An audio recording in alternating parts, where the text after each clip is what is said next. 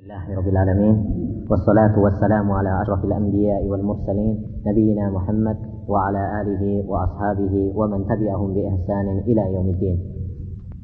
طيب الخامس والأربعون.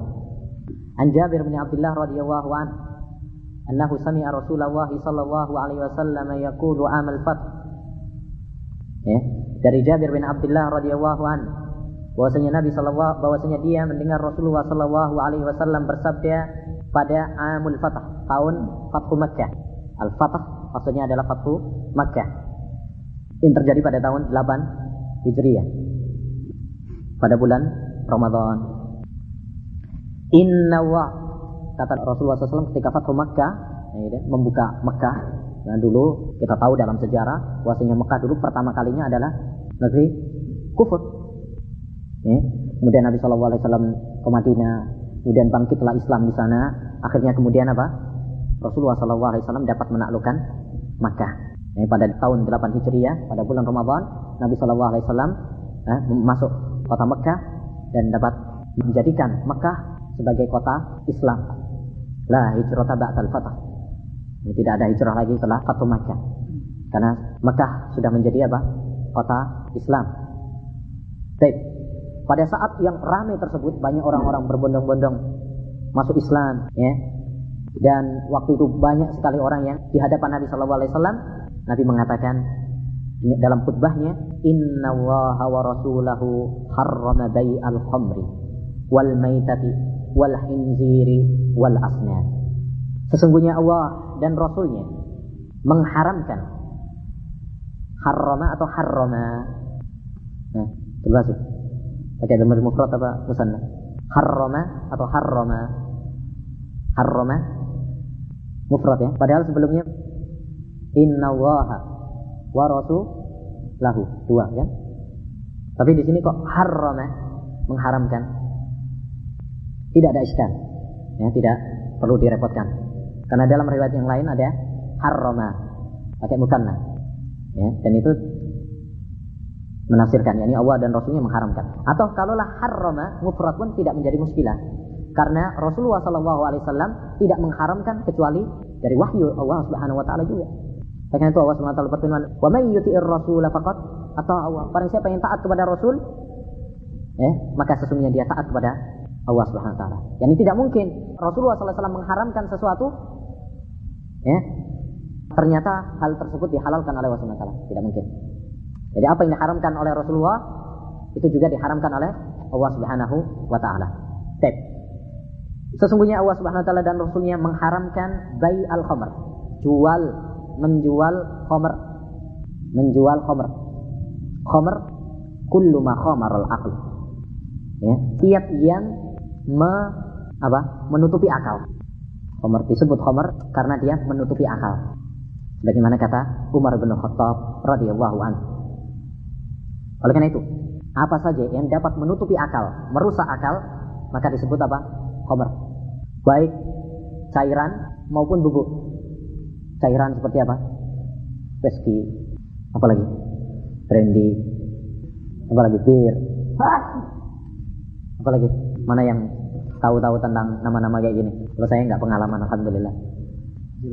Hah? Masa dulu pengalaman gitu? Oh enggak ya jadi ya. Baik. Atau bubuk, ya. Bubuk seperti sekarang banyak ya. Pil-pil sekarang, ya. Narkoba. Apalagi? Sabu-sabu. Ya. Apa? Ya. ya, pokoknya itu lah. Jadi nggak harus cairan. Komer itu, oh itu yang namanya komer itu yang cairan ya. Pokoknya apa saja yang dapat merusak akal, menutupi akal, maka dia itu disebut komer. Ya, itu disebut komer. Dan Nabi SAW sudah mengatakan, Kullu muskirin khamrun. Setiap yang memabukkan, maka itu adalah khamr. Dan itu jangan kemudian sebagian orang mengatakan, nggak ada dalil yang mengatakan narkoba itu haram. Mana ada? Mang ada dulu narkoba pada zaman Nabi? Rokok? Nggak ada pada zaman Nabi. Ya, kita katakan, Kullu muskirin khamrun. Nabi SAW sudah mengatakan, setiap yang memabukkan, setiap yang merusak akal, maka itu disebut apa? Khamr. Itu sudah kaidah kulliyah. Dan khamr ya ikhwani, Nanti insya Allah akan kita bahas, nggak terlalu kita panjangkan ya. Pada hadis berikutnya itu membahas tentang khamr, menjadikan orang seperti apa? Gila. dikisahkan ya bahwasanya dulu ini pada zaman jahiliyah orang kalau sudah minum khamar apa dia main-main dengan air kencingnya. Air kencingnya dibuat untuk uh, mengusap wajahnya. Namanya juga apa? Sudah rusak akalnya. Baik. Bisa akan kita bahas. Wal maitah. Maitah itu apa? Bangkai. Maitah. Bangkai. Diharamkan juga. Nggak boleh jual beli bangkai pengertian bangkai yang adalah binatang yang mati bukan karena disembelih atau diburu atau bukan tidak disembelih secara syar'i. Ini pengertian apa? Bangkai. Yaitu hewan yang mati bukan karena disembelih, tahu-tahu mati begitu saja. Belum disembelih sudah mati. Misalkan punya ayam, tahu apa-apa kering meninggal gitu aja pagi-paginya. Belum sempat disembelih. Berarti itu namanya apa? Bangkai. Atau diburu, enggak karena disembelih atau bukan juga karena diburu. Atau ya, tidak disembelih secara syar'i. Hewan tersebut disembelih tapi bukan dengan cara yang syar'i. Misalkan disembelih tapi tidak membaca bismillah, bangkai itu namanya. Ya. Disembelih tapi disetrum. Ada ya kalau antum tahu negara-negara barat, wah modelnya aneh-aneh itu. Pakai setrum. Ini disebut apa? Bangkai. Karena apa? Penyembelihannya bukan dengan cara yang syar'i. Baik. Ini yang kedua yang diharamkan oleh Nabi Shallallahu Alaihi Wasallam. Dan bangkai jelas diharamkan oleh Allah Subhanahu wa taala dalam Al-Qur'an ya. Qurrimat alaikumul maitatu waddamu wa lahmul khinzir wa ma uhilla li bihi wal munkhaniqatu wal mawqudatu wal mutaraddiyatu wan natihatu wa ma akalas sabu illa ma zakaitum. Ya, termasuk bangkai juga apa yang disebutkan oleh Allah Subhanahu wa taala dalam ayat ini. Ya. Wa ma uhilla li ghairillahi wal munkhaniqatu. Ini juga termasuk bangkai, yaitu binatang yang dicekik baik sengaja maupun tidak sengaja. Disengaja aja. Misalkan mau menyembelih ayam tapi modelnya dicekik. Ini bangkai. Mungkin antum tahu di apa namanya kalau di, di perdukunan-perdukunan sihir itu menyembelihnya biasanya pakai model burung atau ayam modelnya dicekik. Nah, mereka takurupnya kepada jin atau iblis. Baik. Atau karena tidak sengaja. Tahu-tahu masuk jaring, pagar misalkan, nggak bisa keluar, nggak sengaja, kecekik misalkan. Ini juga apa? bangkai. Kalau belum disembelih ya. Yang kedua, mutarodiyah, yaitu apa? Yang dijatuhkan dari atas. Ya, dijatuhkan dari atas. Atau masuk ke sumur. Ini juga termasuk. Ya. Wan natihah, yaitu kalau berantem kena ininya, tanduknya. Sebelumnya, satu lagi apa? Yang dipukul dengan benda yang keras. Ya, dengan besi. Ya, dengan besi. Atau tadi, termasuk yaitu dengan setrum. Ini juga termasuk. Baik, ini maita, bangkai. Dikecualikan yaitu apa? Bangkai ikan atau bangkai laut.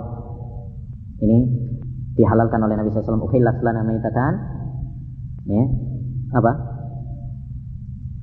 Dihalalkan bagi kita dua bangkai, yaitu bangkai ikan dan belalang. Wal hinzir dan hinzir. Apa? Babi. Hewan babi. Diharamkan. Nggak boleh jualan babi. Ya. Karena babi adalah pertama binatang yang menjijikkan. Makanan makanannya kotor. Ya. Bahkan kalau dikasih makanan yang yang bagus yang baik yang suci dia nggak mau. Maunya makanan-makanan yang kotor kotorannya dia sendiri itu makanannya pokoknya benda-benda yang kotor itu yang dimakan kemudian yang kedua babi itu adalah fusak wazirahnya, seknya. Oleh karena itu, antum perhatikan ada persamaan antara orang yang biasa memakan babi dengan babi. Ya, lihat orang-orang barat karena mereka biasanya memakan babi, akhirnya apa? Kelewatan syahwatnya.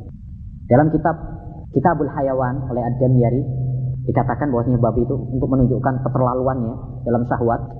Yang jantan itu ya, si betinanya masih makan masih ini dinaikin. Hatta berjalan beberapa meter pun tetap dinaikin. Menunjukkan bahwasanya itu adalah binatang yang tidak punya malu tidak punya kehormatan. Dan itu terbukti bagi orang-orang yang memakannya ya terbukti bagi orang-orang yang memakannya lihat orang-orang barat yang ketiga ya bahwa pada daging babi terbukti secara ilmu medis, ilmu kedokteran, ya, ada penyakit yang sangat ganas, yang sulit untuk diobati, ya, sulit diobati. Untuk orang yang biasa makan itu biasanya punya penyakit yang sulit diobati oleh para dokter, nyerah biasanya para dokter. Ya. Terutama kalau makan pada musim panas. Nah, jadi ini ada tiga sebab. Pertama, ini hikmahnya ya, kita menyebab hikmahnya. Larangan Allah Subhanahu wa taala itu. Walaupun kita nggak tahu hikmahnya pun kita tetap iman, tapi untuk memberikan kepada kita takofah ya. Bagaimana hikmah Allah Subhanahu wa taala mengharamkan hal ini?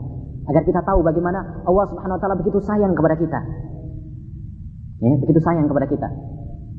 Karena terbukti bahwasanya babi tersebut memiliki madarat-madarat. Yang pertama yaitu karena makanan-makanan yang tadi kotor. Hal yang menakjubkanku adalah apa yang dikatakan oleh Imam Ibnu Qayyim rahimahullah taala dalam Miftah Darus Sa'adah. Beliau menyamakan orang-orang Syiah Rafidhah dengan babi. Persis. Kenapa? Karena beliau mengatakan orang Syiah mereka kalau dikasih yang bagus nggak mau, maunya yang jelek. Coba mereka kalau disebut para sahabat Nabi SAW nggak mau, malah melaknat. Kalau dibilang Abu Bakar, la'anahullah. Dibilang Umar, la'anahullah. Eh? Kalau di sebut Abu Lu'lu al-Majusi, tahu Abu Lu'lu al-Majusi? Eh, yang membunuh Umar. Orang Majusi. Mereka mengatakan, Allahumma lahu. Ya, wajadikanlah kita seperti dia. Eh, itu mereka. Jadi kalau disebut orang-orang yang jelek, oh, mau. Kalau disebut orang-orang yang bagus, seperti para sahabat, mereka malah nggak mau. Ya, kata Ibnu Qayyim rahimahullah, si itu seperti apa? Nah, Kemudian yang terakhir wal as. Yang kedua ada yang ketiga, yang keempat adalah apa? Patung sonan. Misalkan dari entah dari kayu atau dari batu, kemudian dipahat, ya, dibikin seperti entah manusia atau apa, ya, untuk disembah, itu yang namanya apa? Sonam. Di sana ada dua bahasa ya. Ada sonam, ada watan. Apa bedanya? Kalau sonam itu yang dipahat untuk disembah kepada Allah. Sembah selain Allah Subhanahu Itu namanya sonam. Adapun kalau watan, pokoknya semua yang disembah selain Allah itu namanya watan. Kuburan misalkan, itu disebut watan. Tapi tidak disebut sonam, karena sonam itu pokoknya yang membentuk, begitu. Yang dipahat, nah itu namanya sonam. Dan itu Nabi SAW mengatakan, La taj'alu qabri watanan yu'bad. Jangan kalian jadikan kuburanku watan. Sesembahan selain Allah Subhanahu wa taala. Baik, wal asnam. Yang tidak boleh menjual apa? Patung. Ya, sekarang banyak orang-orang kufar mahat patung ya entah patungnya orang-orang tokoh-tokoh atau selainnya maka ini tidak boleh untuk dijual. Baik ditaruh di biasanya di tengah-tengah jalan gitu ya yang ramai dan sebagainya. Ini semuanya adalah tidak diperbolehkan. Dilarang oleh Nabi Shallallahu Alaihi Wasallam. Dan apabila kita perhatikan empat hal yang diharamkan oleh Nabi Shallallahu Alaihi Wasallam ini subhanallah. Akan kita tahu hikmah bahwa empat ini hanyalah sekedar permisalan, contoh saja. Bai'ul khamr dilarang oleh Nabi SAW karena merusak akal. Maka apa saja yang merusak akal berarti haram hukumnya. Yang kedua, maitah, bangkai. Ya, dilarang oleh Nabi SAW atau Allah Subhanahu Wa Taala juga karena merusak kesehatan. Merusak kesehatan. Maka apa saja yang dapat merusak kesehatan hukumnya adalah haram. Baik, Injir. Ini juga sama, yaitu merusak kesehatan. Wal asnam, ya, asnam patung. Ini dilarang karena dapat merusak agama, merusak agama dan akhlak. Oleh karena itu, maka apa saja, benda apa saja yang dapat merusak agama, hukumnya adalah haram. Jadi ini semuanya hanya sekedar apa? Sekedar contoh. Homer karena merusak akal. Ya, bangkai karena merusak kesehatan. Ya, merusak kesehatan, merusak badan. Demikian juga khinzir, itu apa tadi? Bang, e, babi wal asnam karena merusak merusak agama. Oleh itu Nabi SAW tidak memberikan udur. Tatkala Nabi SAW Fathu Mekah, apa yang beliau lakukan? Langsung ke Ka'bah, ada berapa belasan patung di sana, kemudian Nabi menghancurkannya dengan tangannya sendiri. Sambil membaca ayat, Ja'al haqqu wa zahaqal batil innal batila kana zahuqa. Dan dalam sejarah juga tatkala Fathu Makkah sudah selesai, banyak orang berbondong-bondong dari beberapa rombongan untuk masuk Islam. Termasuk di antaranya adalah rombongan dari Sakif. Ya, rombongan Sakif ada 16 orang sebagai perwakilan dari mereka, mereka ingin masuk Islam. Bertanya kepada Nabi SAW tentang Islam, Nabi mengabarkan. Ya, mereka memiliki patung yang namanya Robah. Mereka memiliki patung yang namanya Robah. Nabi gimana ini? Kita mau masuk Islam tapi kita belum siap untuk meninggalkan Robah. Ya, tolong kasih waktu eh, tiga tahun lah untuk apa namanya meninggalkannya. Kata Nabi tidak. Ya, mereka nawar lagi dua tahun lah Eh, kalau memang nggak bisa tiga tahun. Nabi tetap, karena ini masalah akidah, masalah agama, nggak ada toleransi. Tidak. Tawar lagi, setahun. Tidak. Ya. Sampai mereka menawar berapa? Satu bulan. Nabi tetap mengatakan tidak. Nah ini masalah agama, masalah akidah. Akhirnya kemudian mereka apa? Udah kalau memang kalau begitu, saya, kita nggak berani kalau menghancurkan sendiri. Tolong, eh, antum yang yang menghancurkannya. Kata Nabi gampang. Saya akan mengutus beberapa orang untuk menghancurkannya. Akhirnya dikirimlah siapa? Muhir bin Su'bah, Khalid bin Walid dan beberapa rombongannya menuju ke Sakif, ke Robah itu. Ya, lucunya Muhir bin Su'bah ketika akan menghancurkannya, orang-orang ramai semuanya, keluar anak-anak, para wanita keluar untuk nonton. Karena patung ini sangat menyeramkan. Mereka punya keyakinan, barang siapa yang akan menghancurkannya, maka akan mati. Baik, akhirnya Muhir bin Su'bah karena kuat imannya, bawa kampak tapi dia bilang sama teman-temannya saya akan istilah kalau anu sedikit gitu ya ya nanti nanti kalau saya akan ke sana nanti saya akan pura-pura apa pura-pura jatuh sambil kejang-kejang ya, saya akan pura-pura gitu udah benar dia tadi mau sudah bawa kampak sudah mendekat itu jatuh dia sama kejang-kejang Orang-orang senang semuanya, teriak semuanya. Oh, makanya jangan berani sama siapa? Roba. Tuh, syukurin tuh. Mungkin Roba coba. Eh, setelah kayak gitu dia ketawa. Wahai sakit, eh, alangkah bodohnya kalian. Ini cuma patung yang terbuat dari tanah. Eh, saya tadi melakukan seperti itu untuk bikin apa? Ketawa kalian aja. Eh, lihat nih, langsung dihancurin. Akhirnya orang-orang pengen hancurin semuanya juga bareng-bareng. Alhamdulillah kemudian mereka Islam. Wahai Rasulullah, bagaimana pendapatmu dengan lemak bangkai? Biha sufunu wa yudhanu biha al-julud wa yastasbihu biha an-nas. Faqala la huwa haram. Para sahabat ingin untuk menyebutkan beberapa manfaat dari bangkai tadi. Akan-akan, wahai Nabi, bagaimana dengan suhumul maitah? ya, lemaknya bangkai. Yang ini banyak manfaatnya. Di antara manfaatnya yaitu untuk ngecat kapal, perahu. Kita tahu bahwanya cat itu biasanya ditambahi dengan apa? Minyak, gitu kan? Baik. Wa yudhanu julud untuk untuk meminyaki kulit. Ya, apalagi kalau pas musim. Wa yastasbihu nas. Demikian juga termasuk manfaatnya dari minyak bangkai tadi adalah untuk menyalakan lampu. Kita tahu dulu lampu dulu kan pakai minyak, pakai minyak. Atau sekarang aja kompor misalkan kan butuh apa? Minyak. Atau juga lampu-lampu dulu. Kalau sekarang ini ya enggak, alhamdulillah modern. Eh, baik. Setelah para sahabat menyebutkan beberapa manfaat dari minyak bangkai tadi, seakan-akan para sahabat ingin memberikan apa? Udur. Moga-moga Nabi Wasallam mengatakan apa? Boleh. Tapi Nabi Wasallam ya tidak basa-basi di dalam agama Islam. Kalau memang itu haram diharamkan oleh Allah Subhanahu wa taala dan Rasulnya, dia tetap tegas yaitu apa? Mengatakan haram. Oleh karena itu, Nabi wasallam ketika para sahabat menyebutkan manfaat-manfaatnya tadi, kata Nabi, "La huwa haram." Tidak. Tetap hukumnya adalah apa? Haram. Sekalipun ada manfaatnya, bahkan mungkin beberapa manfaat, tapi hukumnya tetap haram untuk menjualnya. Di sini, huwa haram, para ulama berselisih pendapat, huwa haram apakah di sini kembali kepada memanfaatkan ya benda-benda tadi?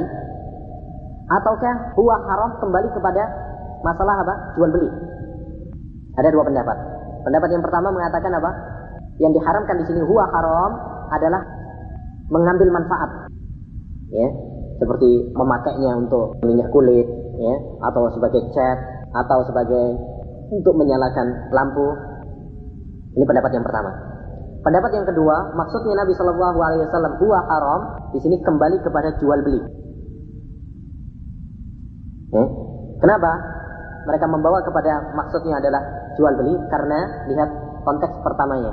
Inna Allah wa rasulahu harrama bay al khamr. Jadi pembicaraan siakul kalam adalah berbicara tentang masalah jual beli. Boleh ataukah tidak? Ya. Katalah para sahabat tadi menyebutkan manfaatnya, Nabi SAW mengatakan apa? Tidak. Hukumnya tetap haram. Jadi beda antara dua pendapat ini ya. Pendapat yang pertama adalah umum, memanfaatkannya, apalagi jual belinya. Tapi kalau pendapat yang kedua ini, yang dilarang adalah jual belinya. Adapun memanfaatkannya boleh. Memanfaatkannya apa? Boleh. Nabi SAW tidak melarang di sini memakai manfaat dari minyak tadi. Tidak di tidak dilarang oleh Nabi SAW. Yang dilarang oleh Nabi adalah apa? Menjualnya. Kenapa mereka membawa buah haram kembali kepada jual beli? Karena pembicaraan hadis ini adalah tentang masalah jual beli. Lihat konteks pertamanya, Inna Allah wa rasulahu harrama al khamr. Jadi harrama al khamr huwa haram kembali kepada apa? Bai'ul khamr dan seterusnya tadi. Jelas atau kurang jelas? Baik. Jadi huwa haram di sini ada berapa pendapat? Dua pendapat. Pendapat yang pertama, huwa haram maksudnya adalah intifa, mengambil manfaat. Baik. Yang kedua adalah apa? Pendapat yang kedua adalah mengatakan huwa haram maksudnya adalah jual belinya. Kenapa mereka membawa kepada jual beli? Karena konteks hadis ini adalah berbicara tentang larangan jual beli. Baik.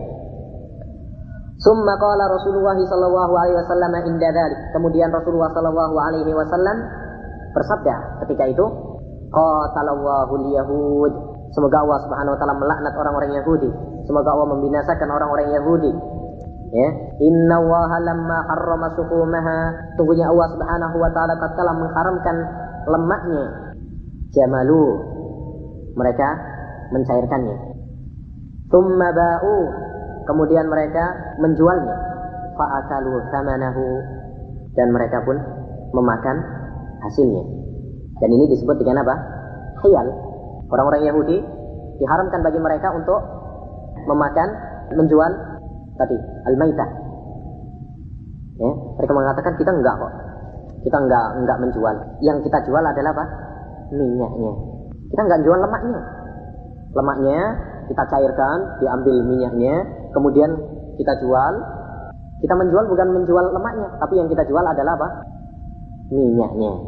Ini adalah khialnya orang Yahudi. Ya, Nabi Shallallahu Alaihi Wasallam menyebutkan hal ini agar umatnya tidak terjerumus kepada jalan orang-orang Yahudi. Dari hadis ini, Kuani, dapat kita ambil beberapa hukum dan beberapa faedah yang sangat banyak sekali. Di antaranya, pertama adalah indahnya syariat Islam indahnya syariat Islam yang menghalalkan segala hal yang baik dan mengharamkan segala yang jelek dan memadaratkan. Oleh karena itu dalam hadis ini Allah Subhanahu wa taala dan rasulnya mengharamkan khamr karena memadaratkan. Tidak ada kebaikan di dalamnya. Ya. Dan mengharamkan bangkai. Ya, karena merusak badan. Ya, memiliki bakteri dan merusak kesehatan. Wal khinzir Demikian juga babi yang kemarin sudah kita sebutkan memiliki beberapa hal. Yang pertama adalah karena babi itu adalah biasanya makan makanan yang kotor dan jorok. Ya. Yang kedua, babi itu tidak memiliki iffah, ya, kehormatan. Ya. Kemudian yang ketiga juga pada daging babi memiliki apa? Bakteri, virus yang sangat ganas yang kata para dokter, penelitian para dokter, ya, mereka mengatakan virus ini sulit sekali untuk di, diobati. Wal asnam, demikian juga patung-patung yang dapat merusak akhlak dan merusak akidah. Ya, semua ini dilarang oleh Islam, diharamkan oleh Islam karena merusak tadi, merusak akidah, merusak akhlak, ya, merusak kesehatan dan merusak badan. Oleh karena ini, ikhwani, hendaknya kita lebih mengamati hadis-hadis seperti ini sehingga kita tahu tentang bagaimana indahnya Islam dan bagaimana sayangnya Allah Subhanahu wa taala kepada hambanya. Tidaklah dia mengharamkan sesuatu kecuali hal tersebut memang memadaratkan bagi hambanya. Ya.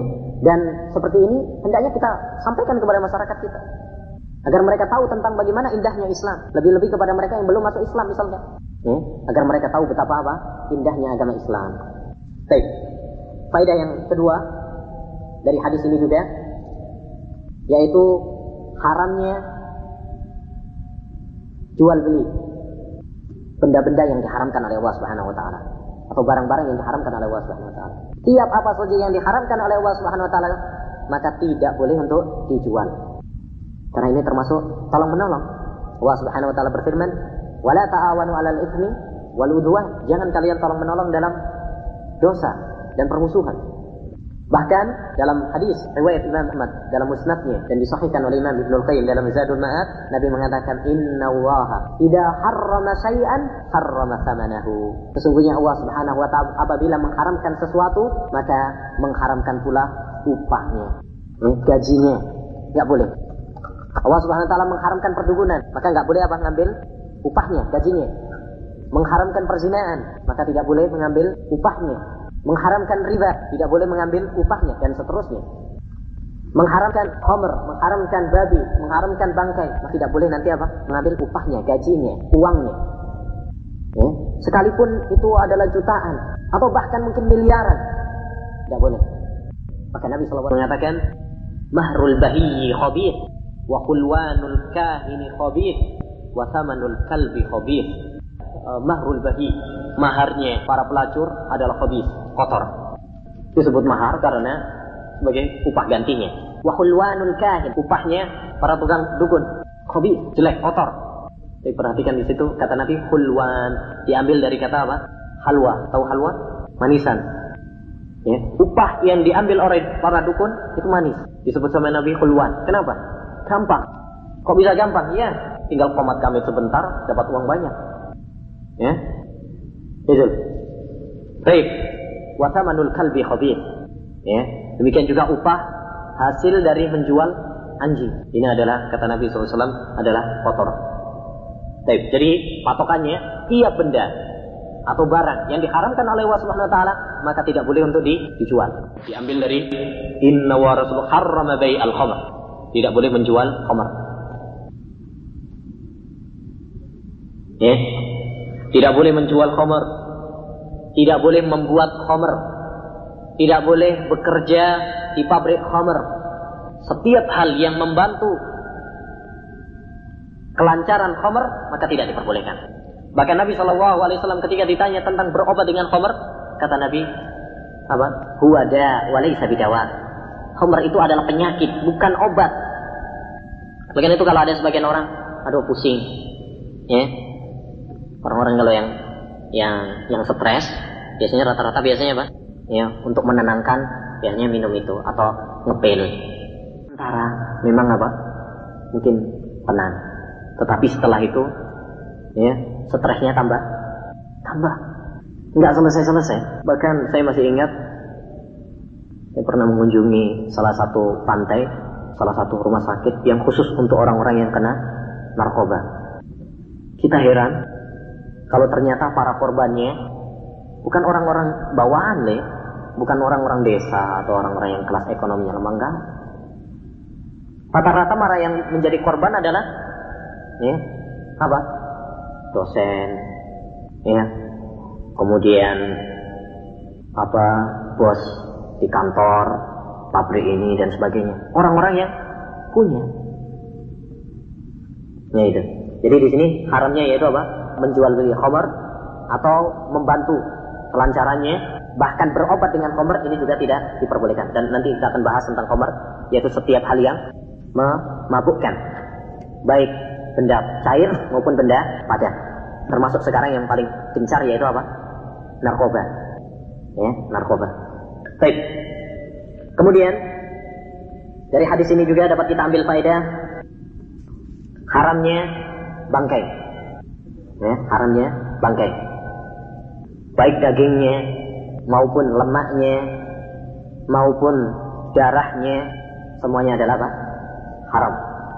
Karena itu dapat membahayakan bagi kesehatan badan. Karena hewan ya apabila sudah menjadi bangkai maka di sini memiliki bakteri-bakteri ya sudah kotor ya dan kotor dan memiliki apa penyakit baik bagaimana kalau bulunya boleh tadi ya kita ambil manfaat Boleh atau tidak? Bulunya atau rambutnya? Hah? Boleh. Ya. Karena itu tidak termasuk hal yang mimma tahullu bihil. Ya.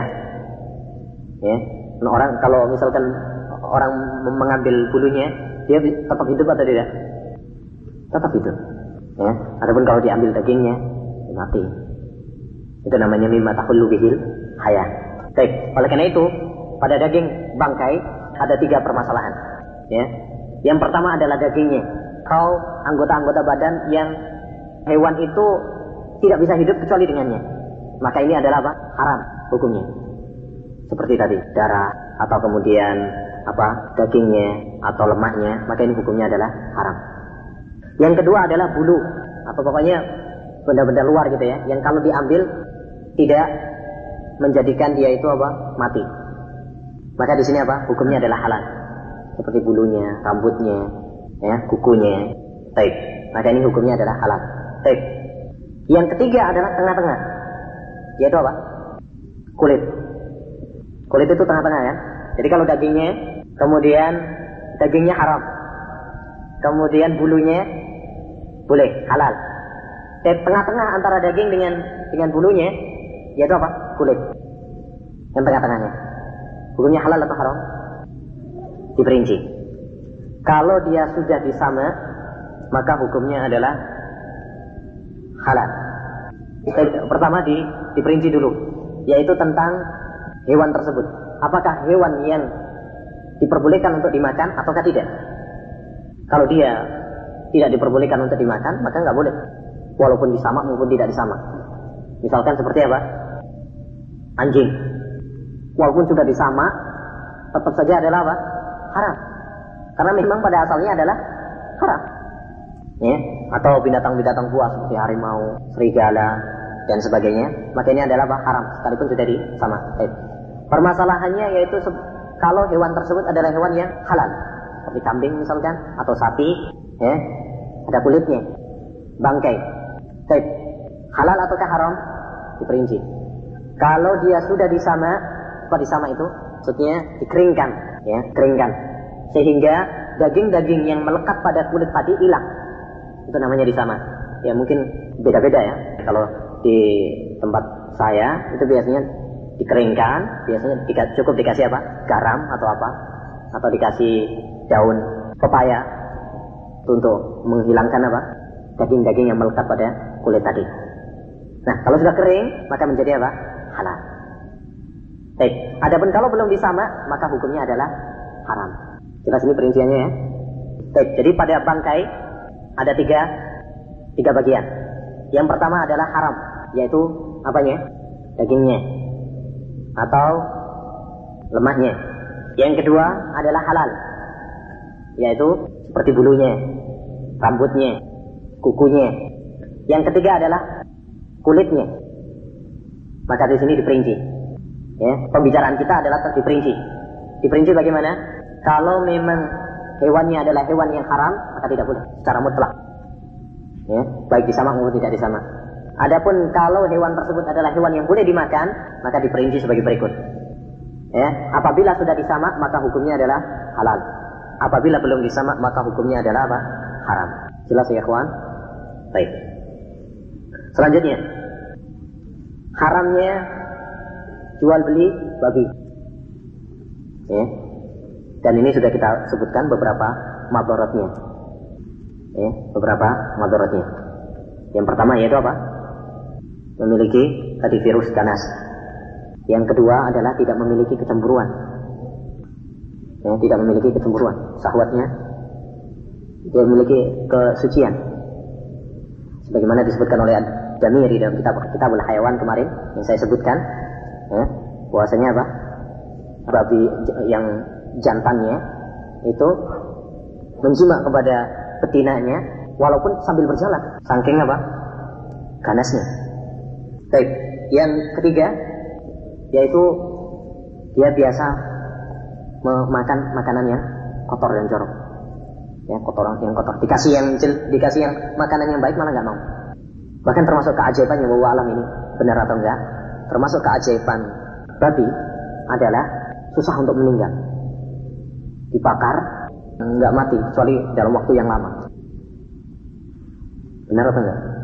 Kabarnya begitu. Tolong di, ditanyakan kepada yang ahli babi. Baik. Dan ini banyak ikhwan.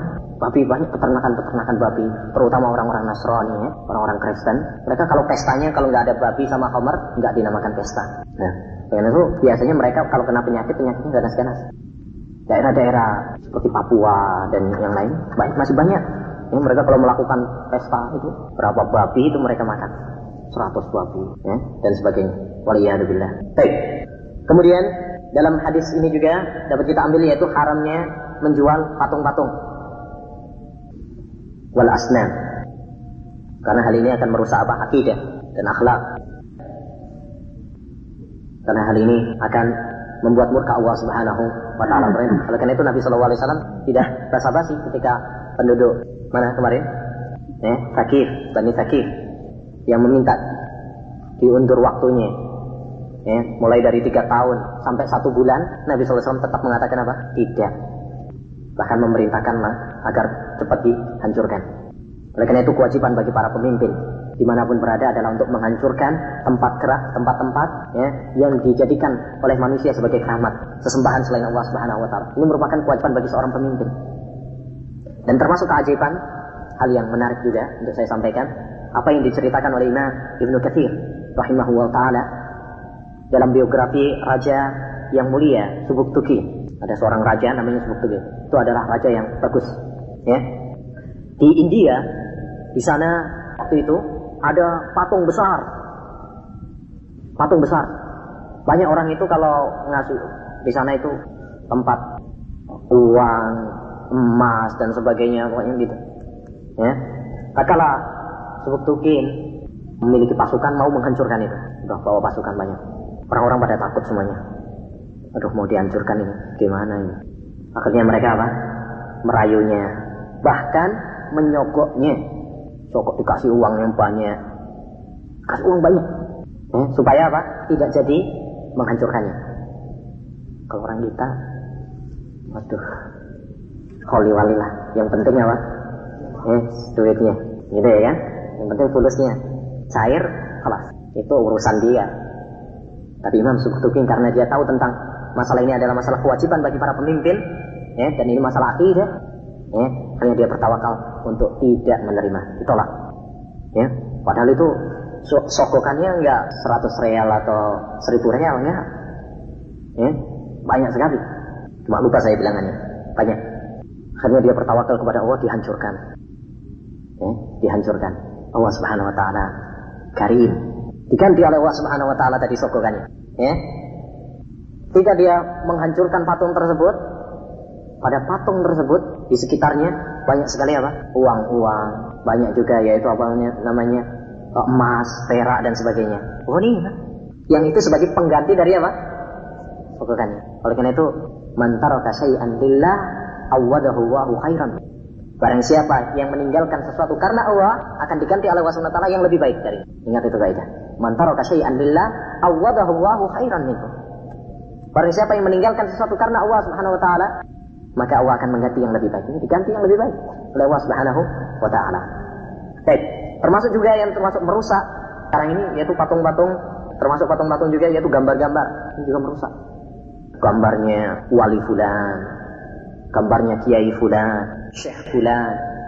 Ini adalah wasilah untuk hulu, berlebih-lebihan kepadanya dan wasilah untuk beribadah kepadanya. Jangan dianggap ya masalah remeh. Kalau mungkin gambar atau foto orang-orang biasa mungkin masih ringan. Termasuk dosa juga tapi masih ringan daripada yaitu gambar orang-orang yang dianggap mulia, dianggap saleh. Kita tahu apa yang menyebabkan kaumnya Nabi Nuh ya berubah ajarannya. Mereka menyembah kepada Lata, Uzza, mana karena mereka membuat patung-patung. Oleh karena itu sama juga dengan patung-patung tersebut adalah apa? Gambar-gambar ini. Dan di antaranya juga yaitu yang sekarang majalah-majalah porno karena ini merusak akhlak, merusak moral. Ya, atau sekarang lebih parah lagi CD-CD yang dijual aduh kayak kacang goreng. Ya, murah di terminal-terminal, di pertigaan jalan, ya, dan sebagainya. Yang semua ini adalah apa? Merusak akhlak dan merusak moral. Baik. Diambil juga faedah dari hadis ini, kaidah darul mafasid muqaddamun min jalbil masalah. Darul mafasid muqaddamun min jalbil masalah. Membendung kerusakan lebih didahulukan daripada mendapatkan kebaikan. Membendung kerusakan lebih didahulukan daripada mendapatkan kebaikan. Diambil dari mana? Tatkala para sahabat tadi menyampaikan kepada Nabi Shallallahu Alaihi Wasallam kebaikan dan manfaat dari minyak bangkai. Kan maslahat ini ya. Baik. Tetapi karena mafsadat yang lebih besar yang ada pada jual beli bangkai, maka Nabi Shallallahu Alaihi Wasallam mengharamkannya. Jelas ini ya. Di sini dapat diambil kaidah darul mafasid muqaddamun min jalbil masalah. Oleh karena itu ya ikhwan, ya, hendaknya kita memperhatikan apa yang dikatakan oleh Imam Ibnu Qayyim rahimahullah taala dalam Madarijus Salikin. Beliau mengatakan, apabila kita mau menghukumi sesuatu itu adalah haram atau halal, maka hendaknya ditimbang antara maslahat dan madaratnya. Apabila kerusakannya lebih besar, dampak kerusakannya lebih besar daripada maslahatnya, maka tidak mungkin Allah Subhanahu wa taala membolehkannya. Jadi, misalkan ada satu kejadian atau suatu perkara, kita nggak tahu tentang hukumnya. Lihat saja. Ya, apa maslahatnya dan apa madaratnya. Ditimbang. Oh ini maslahatnya begini-begini. Misalkan maslahatnya tiga. Madaratnya lebih besar dan lebih banyak. Kalau lebih banyak maka tidak mungkin Allah Subhanahu wa taala menghalalkannya atau membolehkannya. Dalilnya firman Allah Subhanahu wa taala, "Yas'alunaka 'anil khamri wal maisir, qul fihima itsmun kabir wa manafi'u lin-nas." Mereka bertanya kepadamu wahai Nabi tentang khomer dan perjudian. Katakanlah, pada khomer dan perjudian, kul fihima ithmun. Ya, dosa yang besar. Wa manafi'u linnas. Tuh, tadi kan? Manafi. Allah tidak mengatakan satu manfaat tidak. Manafi itu jamak atau mufrad? Jamak. Manfaat-manfaat bagi manusia. Jadi pada khomer dan perjudian ada manfaatnya yang banyak bagi manusia. Tetapi ada juga apa? Dosanya wa ithmuhuma akbaru min naf'ihima dan dosanya lebih besar daripada manfaatnya. Orang kan harusnya berpikir, memang ada maslahatnya. Tapi kalau madaratnya lebih besar, tidak mungkin kemudian apa? Allah Subhanahu wa taala membolehkannya. Ya, ini satu kaidah yang penting sekali untuk kita pahami. Demikian juga masalah-masalah yang antum bisa jadikan hal ini sebagai kaidah. Dari hadis ini juga dapat kita ambil faedah yaitu bahwasanya tial adalah haram dan penyebab laknat Allah Subhanahu wa taala. Khiyal adalah menyebabkan kemurkaan Allah Subhanahu wa taala dan hukumnya adalah haram. Apa sih khiyal itu? Khiyal adalah at-tawassulu ilal haram bima zahiruhu mubah. Itu namanya khiyam. Yakni tawassul untuk sampai kepada sesuatu yang haram, yani tujuannya nanti adalah kepada yang haram. Tetapi lewat jalan yang kayaknya adalah apa? halal. Tujuannya nanti yaitu apa? haram juga. Tapi dia pakai jalan yang seakan-akan kelihatannya adalah apa? halal. Itu namanya khiyal. Contohnya, contoh mudah, Misalkan kalau ada orang pas bulan Ramadan, pas bulan Ramadan melakukan safar dengan tujuan untuk berbuka. Gampangnya, misalkan, aduh, pas bulan Ramadan, waduh lapar ini. Mau berbuka haram. Gimana caranya? Biar boleh berbuka, pergi ke sana lah, safar. Safar kan boleh. Pemangkana minkum maridan aw ala safarin fa min ayamin ukhra. Akhirnya dia apa? Eh, naik kendaraan, kemudian berbuka. Kalau ada yang negur, kok makan? Dia bilang, musafir kok. Baik, secara dohir perbuatannya haram atau boleh? Boleh, secara dohirnya. Secara dohirnya hukumnya adalah boleh. Karena dia memang musafir. Tetapi tujuannya adalah untuk sesuatu yang haram. Maka ini adalah hukumnya apa? Haram. Ini yang disebut dengan hiyal. Dan hiyal, ya akhwani, adalah apa? lebih parah dan lebih besar dosanya daripada langsung melakukan haram. Oleh karena itu Imam Ayub As-Sikhtiyani mengatakan, yukhadi'una Allah kama yukhadi'una as-sibyan. Lau atawul amra kama huwa alaih lakana ahwan. Orang-orang yang pakai khiyal itu, kata Ayub As-Sikhtiyani, mereka menipu Allah Subhanahu wa taala seperti menipu anak kecil. Seandainya mereka melakukan perbuatan yang haram, ya, udahlah, melakukan perbuatan yang haram begitu saja, ini tentunya lebih apa? Lebih lebih ringan. Jadi orang belak-belakan melakukan haram jelas itu lebih ringan daripada orang yang pakai khiyal. Kenapa? Karena dosa. Jadi kenapa orang yang pakai khiyal itu lebih parah dosanya daripada orang yang langsung melakukan haram saja? Yang pertama, karena dia tetap melakukan perbuatan yang haram. Apakah dengan caranya seperti tadi? Dengan gayanya yang seakan-akan perbuatannya adalah tidak haram. Apakah dia berarti lolos dari dosa? Hah? Tidak. Tetap dia melakukan perbuatan yang haram. Yang kedua, dan ini yang lebih parah, yaitu apa? Dia menipu Allah Subhanahu wa taala. Seakan-akan dengan cara liciknya tersebut Allah Subhanahu wa tidak tahu. Ya, dan inilah terkutuknya orang-orang Yahudi. Seakan-akan dengan cara seperti itu Allah Subhanahu wa taala tidak mengetahuinya. Dan siapa? Allah Subhanahu wa taala yang Maha mengetahui segala sesuatu. Baik. Kemudian dapat diambil juga faedah dari hadis ini bahwasanya khiyal adalah cara orang-orang Yahudi. Sunnahnya orang-orang Yahudi. Sunnahnya orang-orang Yahudi. Yang kata Allah Subhanahu wa taala mereka adalah al-maghdub, orang-orang yang dimurkai oleh Allah Subhanahu wa taala. Baik. Nabi Shallallahu Alaihi Wasallam menceritakan hal ini bukan hanya sekedar sebagai kabar saja, informasi saja tidak, tetapi adalah sebagai tahdir, peringatan kepada umatnya agar mereka tidak menempuh jalannya orang-orang Yahudi. Nabi Shallallahu Alaihi Wasallam mengatakan, "La tattabi'anna sanana man kana qablakum shibran bi shibrin wa dira'an bi dira'in hatta law dakhalu juhra dabbin la dakhaltumuh." Qalu ya Rasulullah al-Yahudu wa Nasara? Qala faman. Tapi mengabarkan, sungguh kalian wahai umat Islam wahai umatku, akan mengikuti jalannya orang-orang yang sebelum kalian, sejengkal demi sejengkal. Ya. Sampai kalau mereka masuk lubang dop, tahu dop ya di sini, yang sejenis biawak itu. Ya. Seandainya mereka masuk ke lubang uh, dop, maka kalian pun akan memasukinya. Yakni dalam masalah-masalah yang sederhana pun kalian akan mengikuti gaya mereka. Dan itu kenyataan ya kawan. Lihat banyaknya kaum muslimin yang sekarang mengikuti modelnya orang-orang kufar ala barat. Bukan hanya dalam akidah mereka tidak, tapi dalam modelnya, dalam namanya, ya. Nama, nama juga. Alek. Ikuti siapa? Sana. Ya.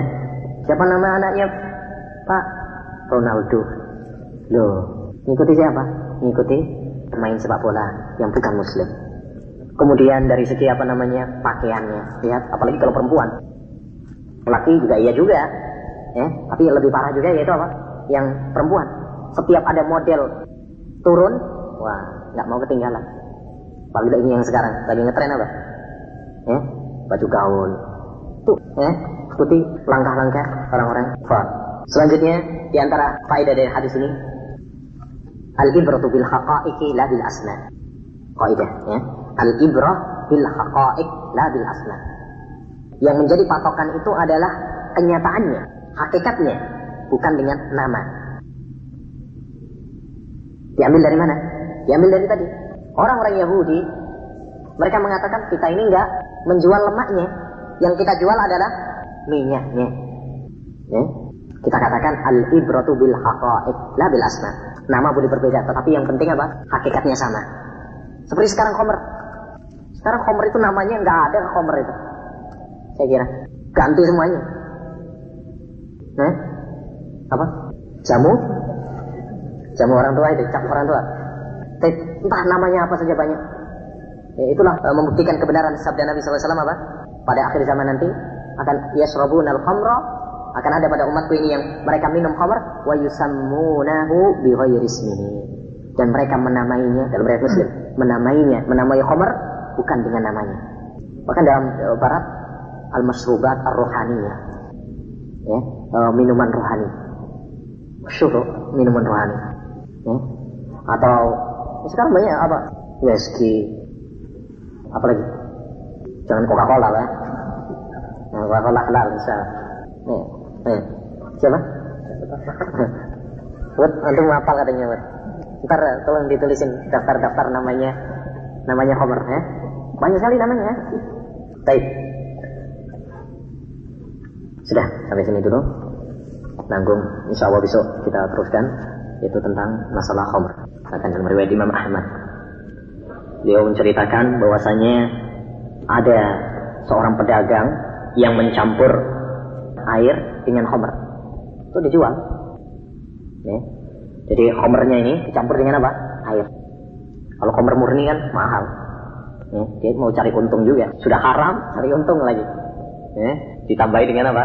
Air. Baik. Naiklah dia ke kapal. Akhirnya apa? Sudah dapat uang kan? Sudah dapat uang. Kalau dulu pakai apa itu? Dompet yang ini biasa ini. Kayak tas itu. Baik. Diambil sama kera. Hadisnya sahih ya. Dihasankan oleh Syekh Al-Albani dan sahih. Ya. Diambil oleh kera, keranya naik. Kapal itu kan biasa ada ininya. Tiangnya itu. Nah, naik ke sana. Kemudian apa? Nah, lucunya kera tersebut membagi. Sebagian ditaruh ini ke, ke laut, ke air. Ya, yang sebagian ditaruh di, di kapal. Kenapa? Yang satu kan ini dusta ini. Campurannya tadi taruh di air. Sebagian ini homer ini buat kamu yang asli. Ya, ini menunjukkan kecerdasan apa? Sebagian binatang. Dan para ulama telah menyebutkan beberapa kecerdasan kera. Kera termasuk hewan yang cerdas. Ada diceritakan bahasanya ada kera yang nyisir. Ya, ada kera yang nyisir, ada kera yang nyapu, ada kera yang ya, ngaca dan sebagainya.